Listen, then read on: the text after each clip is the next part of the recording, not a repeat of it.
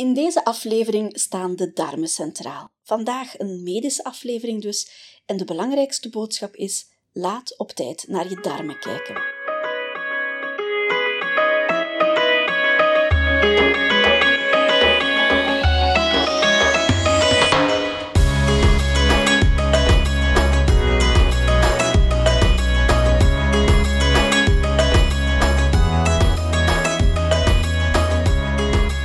Waar je ook zit, waar je ook ligt. En als je onderweg bent, hou het dan veilig. Vandaag een aflevering met de darmen in de hoofdrol, met de slokdarm en de maag in bijrol.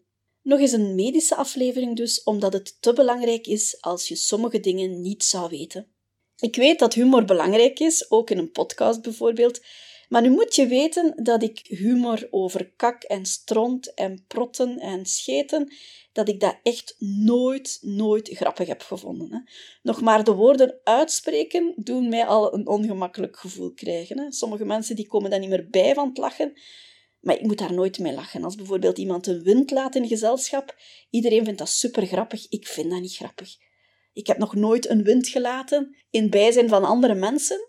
Ook niet zelfs als ik alleen zit, in mijn bureau bijvoorbeeld. Als ik dat voel, dan ga ik altijd naar het toilet. Zo ben ik geconditioneerd.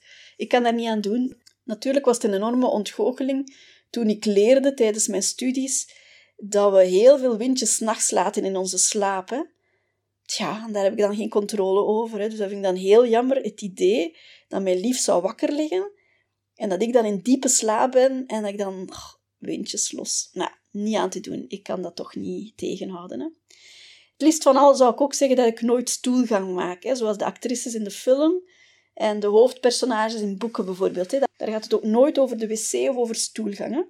Nu, ik kan toch al zeggen dat ik in de bijna vier jaar dat ik samen ben met mijn lief, dat ik er toch altijd voor gezorgd heb dat we nooit samen in dezelfde ruimte zijn als er een van onze twee stoelgang moet maken. Hè. Ik weet niet hoe lang dat we dat nog gaan kunnen volhouden, maar tot hiertoe vind ik dat eigenlijk wel best goed zo.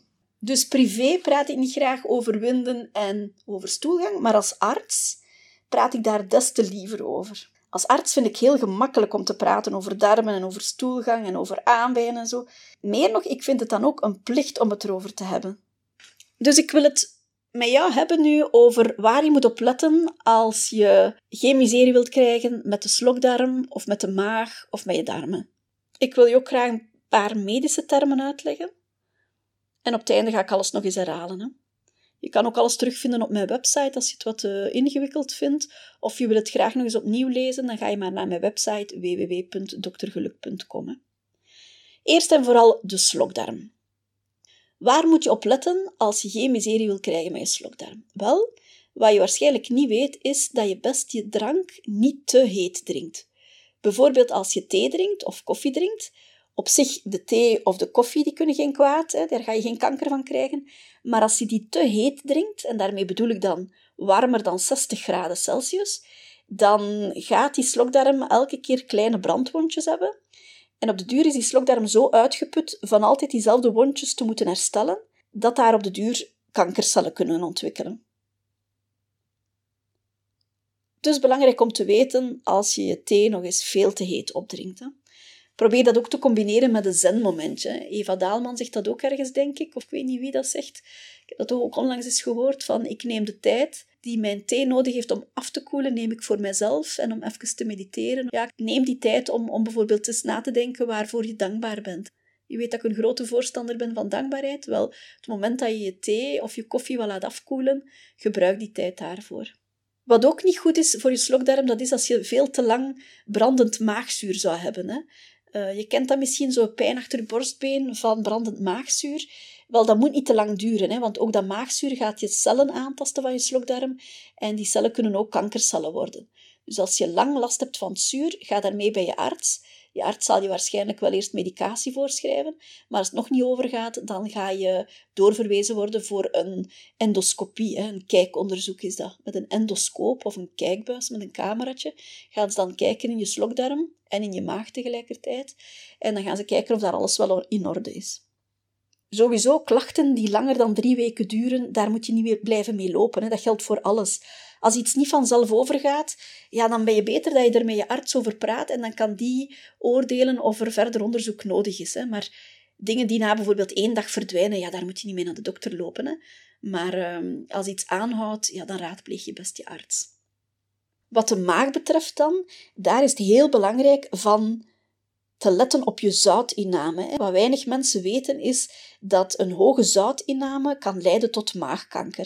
Je hebt daar ook de genetische factoren bijvoorbeeld, maar mensen die veel zoute etenswaren eten, of bijvoorbeeld bewerkt vlees, gerookt of gezouten vlees, dat zou een aanleiding kunnen zijn tot maagkanker. Dus pas daarmee op. Heel veel van onze charcuterie is eigenlijk bewerkt vlees. Ook mensen die aan hun maag geopereerd zijn, die moeten regelmatig in hun maag laten kijken, want die littekens zijn eigenlijk kwetsbare plaatsen voor de ontwikkeling van maagkanker bijvoorbeeld. En ook ja, het maagzuur is ook van belang. Als, als er iets mis is met je maagzuur, te veel of te weinig, dat heeft ook een impact op het weefsel van je maag. Dus bij klachten die langer dan drie weken aanhouden, raadpleeg je arts en laat in je maag kijken. En zo'n maagonderzoek dat wordt fel overdreven. Hè. Daar gaan de wildste verhalen de ronde over. Maar eigenlijk valt dat best mee. Dat is een dunne, flexibele buis. Je moet die doorslikken. Dat is eigenlijk een, een, een soort kijkbuis met een cameraatje, waardoor de gastroenteroloog, de maag-darmspecialist, in je maag kan kijken. Want dat is een hol orgaan. Met foto's kan je dat niet zien. Je moet in die maag gaan kijken, om daar het slijmvlies te kunnen beoordelen. Maar dat onderzoek duurt zo kort dat het eigenlijk gedaan is voordat je het weet. Als je goed blijft in- en uitademen, dan is dat onderzoek eigenlijk heel snel gedaan. Dus wees daar niet bang voor. Hè. Het is erger om het uit te stellen en om uh, misschien iets over het hoofd te zien, dan dat onderzoek eventjes te ondergaan. Je moet daar nuchter voor blijven. Dus als je het moeilijk hebt met nuchter te blijven, vraag dat onderzoek in de voormiddag aan. Waarschijnlijk gaat de gastroenteroloog ook een kleine biopsie nemen, dus een klein stukje weefsel van die maag wegnemen. En dat wordt dan in het labo onderzocht onder microscoop om te kijken of die cellen allemaal goedaardig zijn. Ik ga ook eerst eens zeggen, wat is een tumor? Want een tumor is eigenlijk gewoon de vertaling van het Latijnse woord zwelling.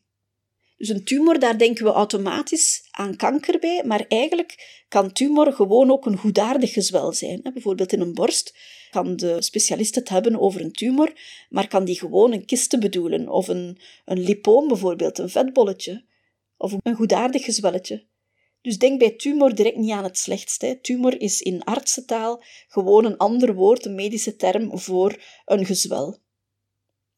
Het verschil tussen een goedaardige tumor en een kwaadaardige tumor, wat is dat? Wel, een kwaadaardige tumor, dat is een tumor die cellen bevat die kunnen doorgroeien, die heel veel gaan doorgroeien tot in andere organen eventueel, of die zich ook kunnen verplaatsen in de bloedbaan of in de lymfebaan, en die daardoor kunnen zorgen voor uitzaaiingen, bijvoorbeeld in de hersenen, bijvoorbeeld in het bot, bijvoorbeeld in de longen, in de lever.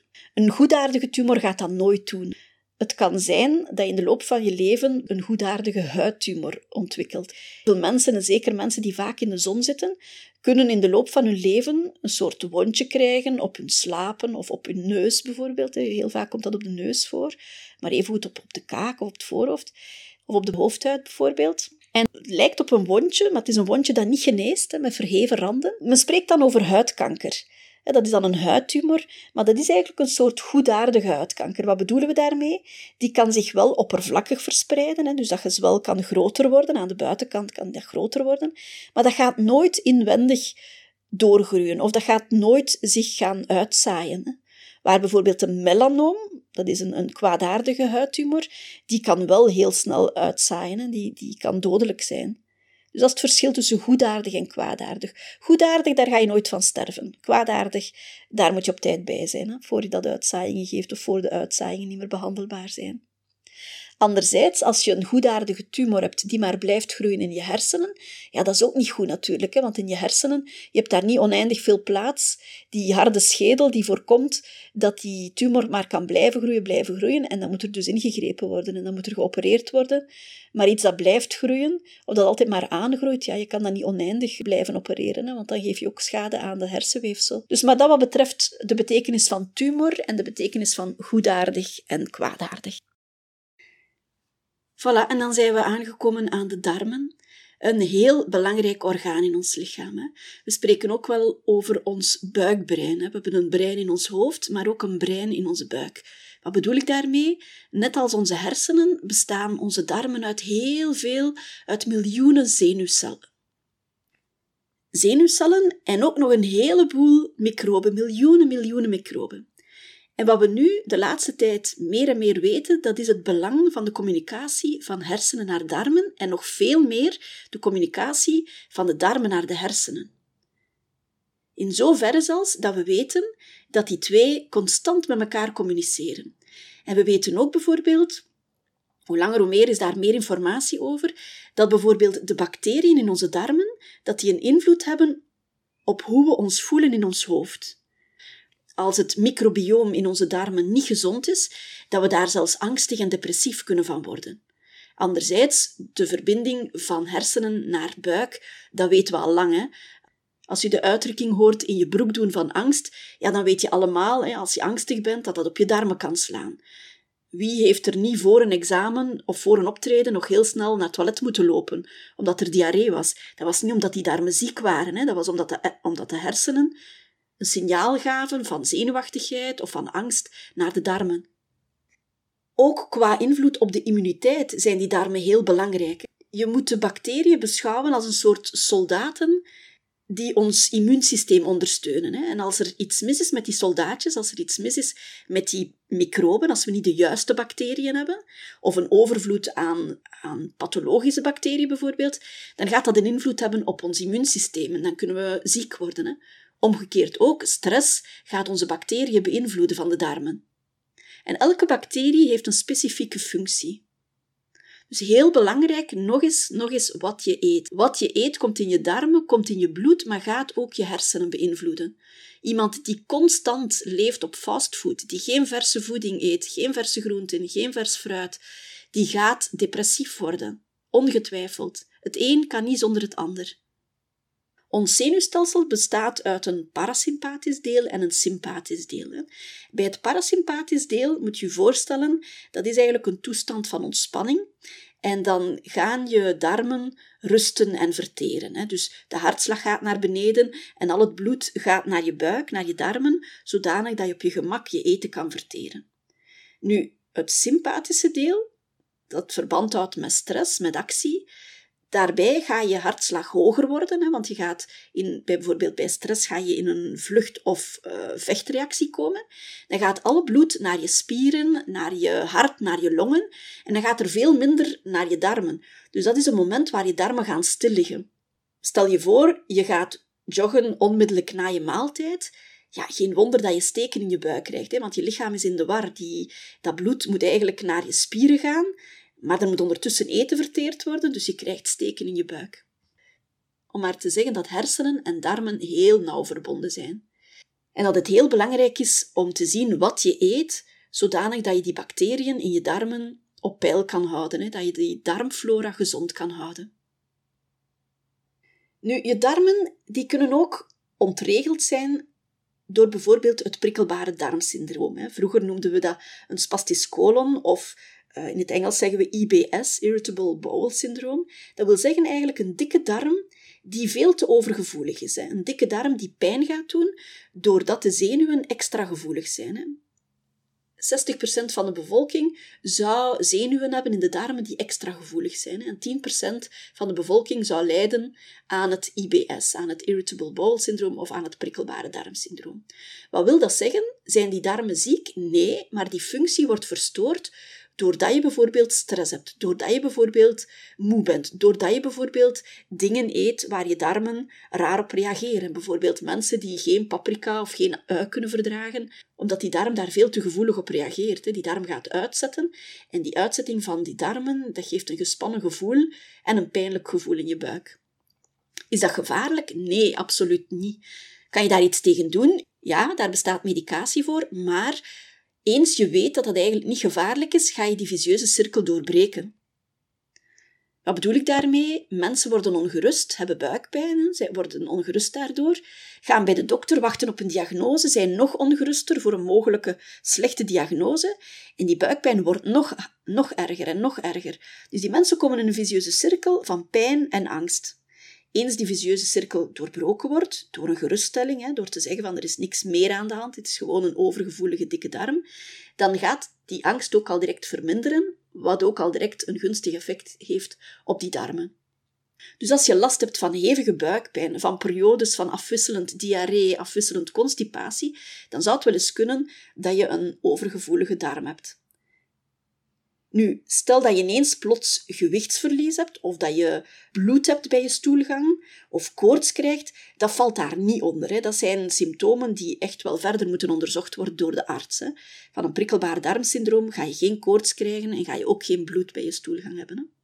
Soms helpt het ook om te letten op je voeding. Als je heel gevoelige darmen hebt, dan kan het helpen om bijvoorbeeld bepaalde voedingsstoffen te weren uit je dieet.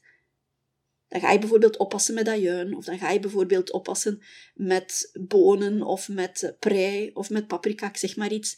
Anderzijds fixeer je daar ook niet te veel op. Hè. Mijn ervaring is dat mensen die veel te veel op hun voeding gaan letten, dat die daar op de duur ook obsessief gaan mee bezig zijn. En dat op zich is al een bron van spanning en van stress. Dus pas daarmee op hè, met die diëten. Het is veel makkelijker, denk ik, om gewoon door ondervinding te weten van oké, dat ga ik nu niet meer eten of daar ga ik minder van eten. En als je daar eens echt goesting op hebt, om dat gewoon wel te eten en de consequenties daarvan te dragen. Stel dat je bijvoorbeeld geen ui verdraagt, maar je bent op bezoek, ja, ga dan niet obsessief die, die ui uit je voeding gaan peuteren. Hè. Denk dat het beter is om dan ontspannen te gaan genieten van jouw maaltijd en te weten dat je de dag nadien oké wel wat last hebt in je darmen. Maar dat het dat waard geweest is en dat je je dan fixeert op het gezellig samen zijn en niet zozeer op die buikpijn bijvoorbeeld. Je kan ook een blinde darmontsteking hebben. Een ander woord voor blinde darmontsteking is appendicitis. Itis betekent ontsteking in de medische wereld. Een otitis is een oorontsteking. Een sinusitis is een sinusontsteking. Dus je kan uh, bij elk orgaan of bij elk lichaamsdeel wel itis aanhangen en dan uh, weet je dat het om een ontsteking gaat. Een blinde darmontsteking, dat is een ontsteking van een heel kort stukje uiteinde van je darm. Een stukje dat eigenlijk niet meer nodig is in ons leven. We hebben dat eigenlijk niet nodig, we kunnen best zonder. Maar dat kan voor veel miserie zorgen. Als dat ineens opduikt, ja, en dat komt meestal onverwachts. Dan krijg je ineens hevige buikpijn. Meestal begint die rond je navel, maar die verschuift dan naar de rechterkant van je onderbuik. Op het toppunt van die pijn kan je eigenlijk niet meer rechtop gaan lopen. Die mensen komen dan eigenlijk zo wat voorovergebogen binnen in de spreekkamer. En typisch is dat ze onderweg naar de spreekkamer hevige pijn hebben elke keer als ze over een bobbeltje in de weg rijden. Dat is voor ons zo echt, dat zou wel eens een appendicitis kunnen zijn. Als we ze dan neerleggen op de onderzoekstafel en één voor één hun been in de lucht heffen, dan hebben ze meestal pijn als we het rechterbeen omhoog heffen. Of dan is er drukpijn als we met onze handen gaan palperen. En als we dan op die rechterhelft van die onderbuik gaan duwen, ja, dan springen ze meestal tegen het plafond van pijn. Bij twijfel gaan we jou natuurlijk naar de spoed sturen voor een echografie. Op een echografie ga je heel veel zien. Er wordt dan meestal ook een bloedafname gedaan om te kijken of er ontstekingsparameters in je bloed zijn. En dat brengt dan meer duidelijkheid. Tegenwoordig moet je daarvoor maar één dag in het ziekenhuis blijven. Natuurlijk, als die appendix gesprongen is, omdat je te lang gewacht hebt of omdat de diagnose gemist werd, dan uh, moet je je voorstellen dat daar heel wat viezigheid in die appendix zit. En die viezigheid komt dan terecht in je buikholte. Ja, dan zit je natuurlijk aan enkele dagen vast in het ziekenhuis, want dan moet je een bakster met antibiotica krijgen. Een andere test om te weten of je mogelijk een appendicitis is, dat is ga op de tenen staan, op de toppen van je tenen, en laat je dan met volle kracht terug op, je, op het plat van je voeten vallen. Als je dan hevige pijn hebt aan de rechterkant van je buik, ja, dat zou ook wel eens kunnen wijzen op appendicitis. Kan je daaraan sterven?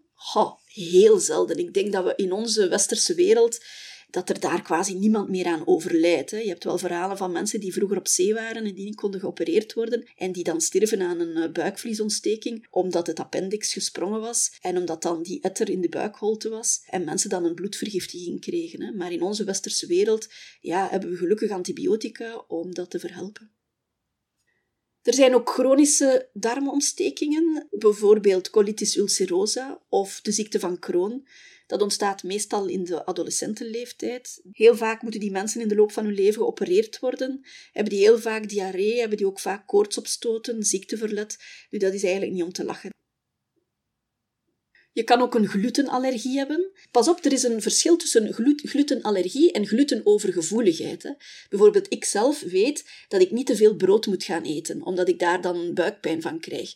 Maar ik heb geen glutenallergie. Hè. Ik heb geen ziekte. Mijn darmen zijn niet ziek. Bij een echte glutenallergie, dat zijn mensen die echt wel hevige diarree hebben, die tekorten oplopen in uh, de opname van bepaalde vitaminen en zo, en die echt geen gluten mogen eten. Bijvoorbeeld mensen met een glutenallergie, die kunnen al last hebben als ze nog maar gewoon aan een lepel likken die in een kom soep ligt, waar een bouillonblokje met gluten in verwerkt is. Hè. Dus een hele kleine hoeveelheid gluten kan al voldoende zijn om een zieke reactie op te wekken. Dat is dan hevige diarree met hevige buikpijn. Maar glutenovergevoeligheid, dat is veel minder. Nu, het belangrijkste van deze aflevering, en daar kom ik nu toe, dat is laat op tijd naar je darmen kijken. Want darmkanker is te voorkomen.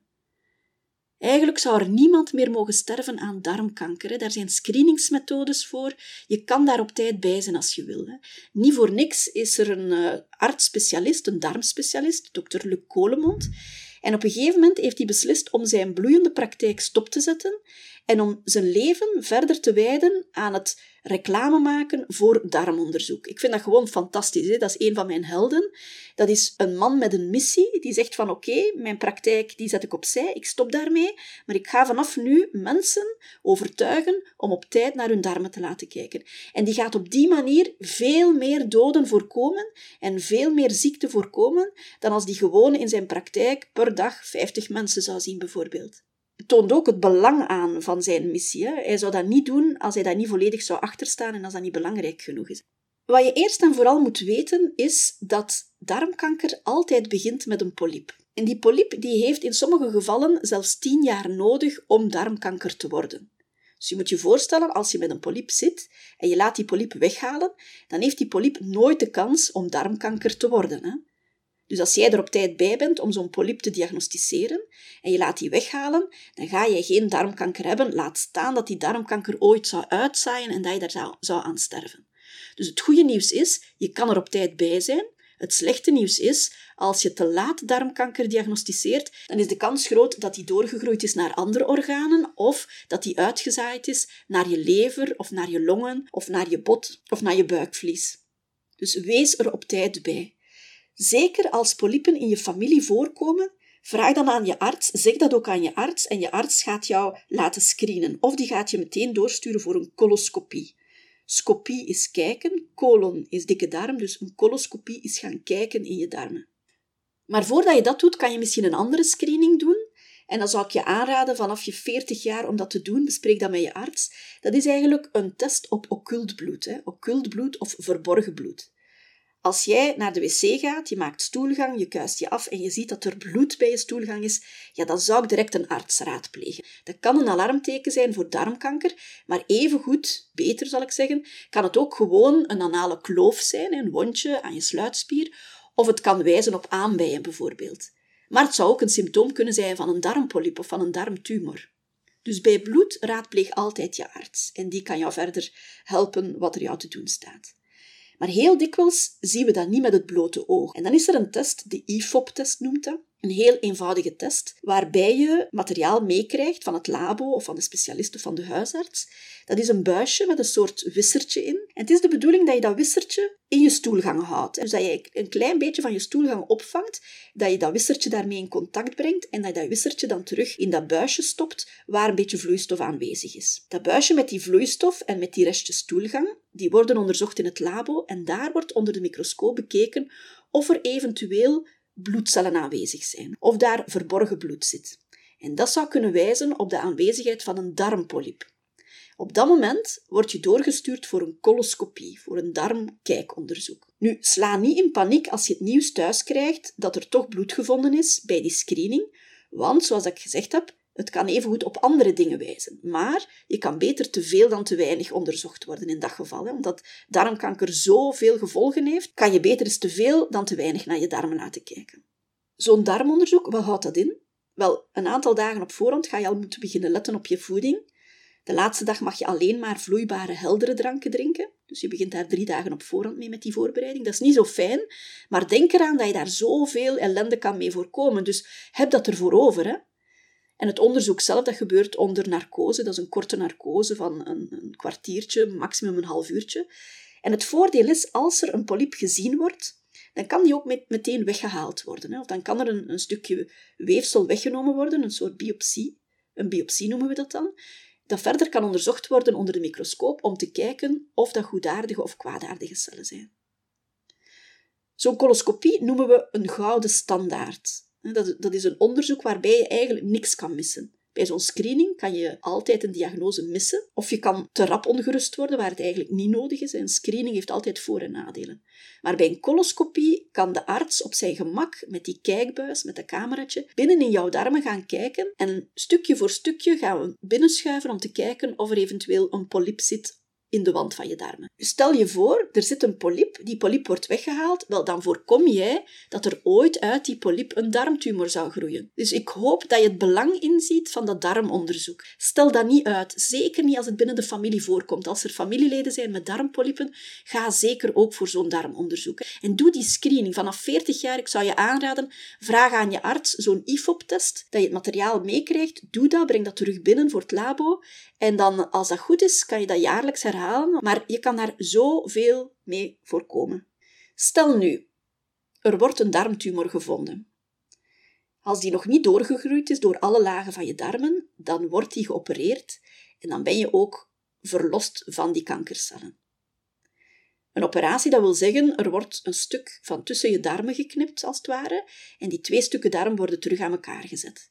Nu moet je je voorstellen, als die darmtumor in dat laatste stuk van je darm zou voorkomen, in je endeldarm, daar kan je niet zomaar gaan opereren, hè? dat is te dicht bij je sluitspier, dan wordt er een stoma aangelegd. Zo'n stoma kan tijdelijk zijn of kan definitief zijn, maar voor een darmtumor die zich in het midden van je darm bevindt, daar wordt meestal geen stoma voor aangelegd. Of het moest zijn om die darm extra te laten genezen, maar dat bespreekt de chirurg dan wel met jou. Soms is er ook chemo nodig, soms is er bestraling nodig. Heel belangrijk daarin is of het om een curatieve behandeling of een palliatieve behandeling gaat. En ik hoor je meteen al denken, palliatief, dat is slecht, hè, dan ga je sterven. Nu, dat is niet zo. Er is een verschil tussen palliatief en terminaal. Met terminaal, daar bedoelen we dat je in het laatste stadium van je leven bent. Hè. Dus de terminale fase van je leven, dat is de laatste levensfase. Dat is niet zo goed, dan zijn je dagen geteld. Maar je kan jaren aan een stuk palliatief zijn. Wat bedoel ik daarmee?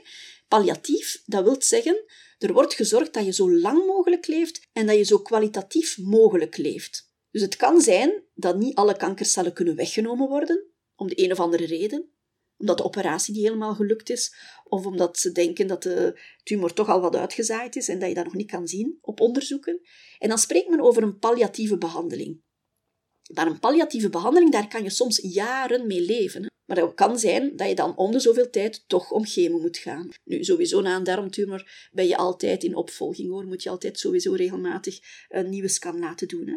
Maar ik bedoel maar palliatief, dat wil niet zeggen het einde. Hè. Natuurlijk is het zo als iemand in het laatste stadium van zijn leven zit, dat er dan ook palliatieve zorg wordt aangeboden. Hè? Dat er dan een palliatief team aan huis komt, bijvoorbeeld, of dat je op de palliatieve afdeling komt te liggen van een ziekenhuis. En natuurlijk, die mensen zijn terminaal en die liggen op de palliatieve zorg. Maar het woord palliatie wil eigenlijk zeggen verzachten. Hè? Dus strikt genomen is palliatieve behandeling ervoor zorgen dat je het zo goed mogelijk hebt, dat je zo lang mogelijk kan leven en dat je zo goed mogelijk kan leven. Nu, hoe kom je aan zo'n darmtumor? Ik zei eerder al, het kan genetisch zijn, maar het kan bovendien ook een gevolg zijn van het feit dat je veel te veel rood vlees eet. Wat bedoel ik daarmee? Eigenlijk zou je maar per week 500 gram rood vlees mogen eten. Met rood vlees bedoel ik rundsvlees, lamsvlees, varkensvlees. Vorige week had ik een etentje met mijn lief, waren we op restaurant. En toen we binnenkwamen stond er zo'n groot bord in de hal van het restaurant en daar stond heel fier op geschreven, een of andere menu, ik weet niet meer wat precies, en er stond 500 gram per persoon. Het ging over quota los, of, of, ik weet het eigenlijk niet meer, een soort biefstuk in elk geval. Kijk, daar word ik dus echt wel niet goed van. Als ik zo'n dingen lees, dan heb ik zin om naar die kok te gaan of om naar die zaakvoerder te gaan en te zeggen van, wat doe je nu? Wie heeft er nu in hemelsnaam 500 gram vlees nodig in één maaltijd? Dat is gewoon de hoeveelheid voor een ganse week. Weet dat dat niet goed is voor je darmen. Bewerkte voeding is niet goed, te veel suiker is niet goed, te veel vet is niet goed, te veel vlees is helemaal niet goed. Beperk dat rood vlees. Als je veel te veel vlees zou eten, dat is ook schadelijk voor je nieren trouwens. Dus pas daarmee op. Hè. Dus een portie per dag van 100 à 120 gram is eigenlijk voldoende. Nu moet eens kijken, als je mensen vlees hoort bestellen bij de slager of als je naar de porties kijkt in de koeltoog van de supermarkten, hoe groot die porties altijd zijn. Maar let daarop, hè. eet gewoon wat meer groenten daarbij. Verse groenten, dat gaat zoveel gezonder zijn voor je darmen. Eet vezels voor je darmen, ook goed. Hè? Eet peulvruchten, ook goed. Maar beperk, beperk, beperk dat vlees. Nu, in elk geval, wat het ook zij, welke symptomen dat je ook hebt, als jij ineens plots gewichtsverlies vertoont, als jij ineens dagen aan een stuk geen eetlust meer hebt, of je hebt bloed of veel slijm bij je stoelgang, of je stoelgangspatroon is ineens veranderd. Hè. Meestal ken je dat wel van jezelf, hoeveel keer per week dat je stoelgang maakt, hè. hoe consistent dat jouw stoelgang is, hè. hoe plat die is. Hè. Daar zijn ook, uh, we hebben daar ook tabellen over eigenlijk. Je moet dat maar eens gaan opzoeken. Dat, heeft allemaal, uh, dat gaat van keuteltjes tot, tot vloeibare diarree, maar uh, dat heeft allemaal een code eigenlijk, de soort stoelgang. Maar als jij ineens heel veel bloed of slijm of heel veel, als jouw stoelgangspatroon ineens heel fel verandert, ga daarmee bij de arts, bespreek dat en de arts zal met jou bespreken welke onderzoeken er verder nodig zijn. En dat is eigenlijk zo met alles. Alle symptomen die niet na een paar dagen verdwijnen, bespreek dat met je arts. Als er iets na een dag genezen is, ja, daar hoef je niet mee bij de dokter te gaan. Hè. En heel veel symptomen, gelukkig maar, verdwijnen spontaan. De meeste dingen in de geneeskunde verdwijnen spontaan. Maar het is maar als klachten aanhouden, en zeker als die drie weken aanhouden, dat is niet juist. Daar moet je mee verder gaan. En wees ook niet beschaamd om dingen als aanbijen bijvoorbeeld aan je arts te tonen. Voor ons is dat iets heel normaals. Dat is iets dat we elke dag wel zien. Anale kloven, aanbijen. En dat is ook in de meeste gevallen snel en gemakkelijk te behandelen. Hè? Een zalfje en pillen en je bent van die aanbijen verlost. Pas als die aanbijen groot en uitgesproken zijn, of als die altijd terugkomen, dan gaan we een uitgebreidere behandeling voorstellen, bijvoorbeeld een ingreep bij de specialisten. Of als er een trombose zit in je aanbij, als daar zo'n blauwachtig schijnsel is, als je daar naar kijkt en je ziet zo'n blauwachtige zwelling doorschijnen door die aanbij, dat is meestal een, een, een trombose, een bloedklonter. En geen gevaarlijke bloedklonter, je gaat daar niet van sterven, maar soms wordt er een insnede gegeven in die aanbij en dan wordt die druk opgeheven en ben je direct van je pijn verlost. Dus geen taboes voor je arts. Bij alarmsymptomen ga ook naar je arts en doe zeker op tijd, op tijd dat darmonderzoek. Ik ga nog eens eventjes herhalen. Wat zijn de belangrijkste boodschappen? Drink je dranken niet te heet. Drink je dranken niet warmer dan 60 graden om je slokdarm te beschermen. Heb je last van brandend maagzuur? Laat dat behandelen. Ga voor een behandeling en als die behandeling niet helpt, laat in je maag en je slokdarm kijken. Om je maag te beschermen, zorg je dat je niet te veel zout eet, dat je niet te veel bewerkt voedsel eet en dat je oppast met gerookte en gezouten vleeswaren. Dus oppassen met te veel charcuterie. Voor je darmen pas je op met de hoeveelheden rood vlees. Beperk die hoeveelheid rood vlees tot maximum 500 gram per week. En zoals voor alle kankers is een gezonde levensstijl in het algemeen heel belangrijk. Pas op met roken, pas op met alcohol. Eet verse groenten, eet vers fruit. Beweeg voldoende, zorg dat je geen overgewicht hebt. Al die dingen blijven belangrijk voor welke kanker dan ook. Tot slot, als je alarmsymptomen gewaar wordt, ga dan zeker naar de arts. Als je geen symptomen hebt, zorg dan toch voor een darmscreening op tijd, zodanig dat je altijd er op tijd bij bent, mocht je een darmtumor hebben, zodat je nooit uitzaaiing krijgt, zodat er geen mensen meer hoeven te sterven aan darmkanker. Heb je vragen? Ga naar mijn website op www.doktergeluk.com. Je kan daar ook eens mijn uitleg downloaden. Je kan mij ook terugvinden op Instagram of op Facebook onder Dokter Geluk. En volgende week ben ik er weer met een nieuwe aflevering. Onthoud intussen dat je elke dag een betere versie van jezelf kan worden en dat ook jij je allerbeste leven kan hebben. Hou je goed en tot volgende week. Dag!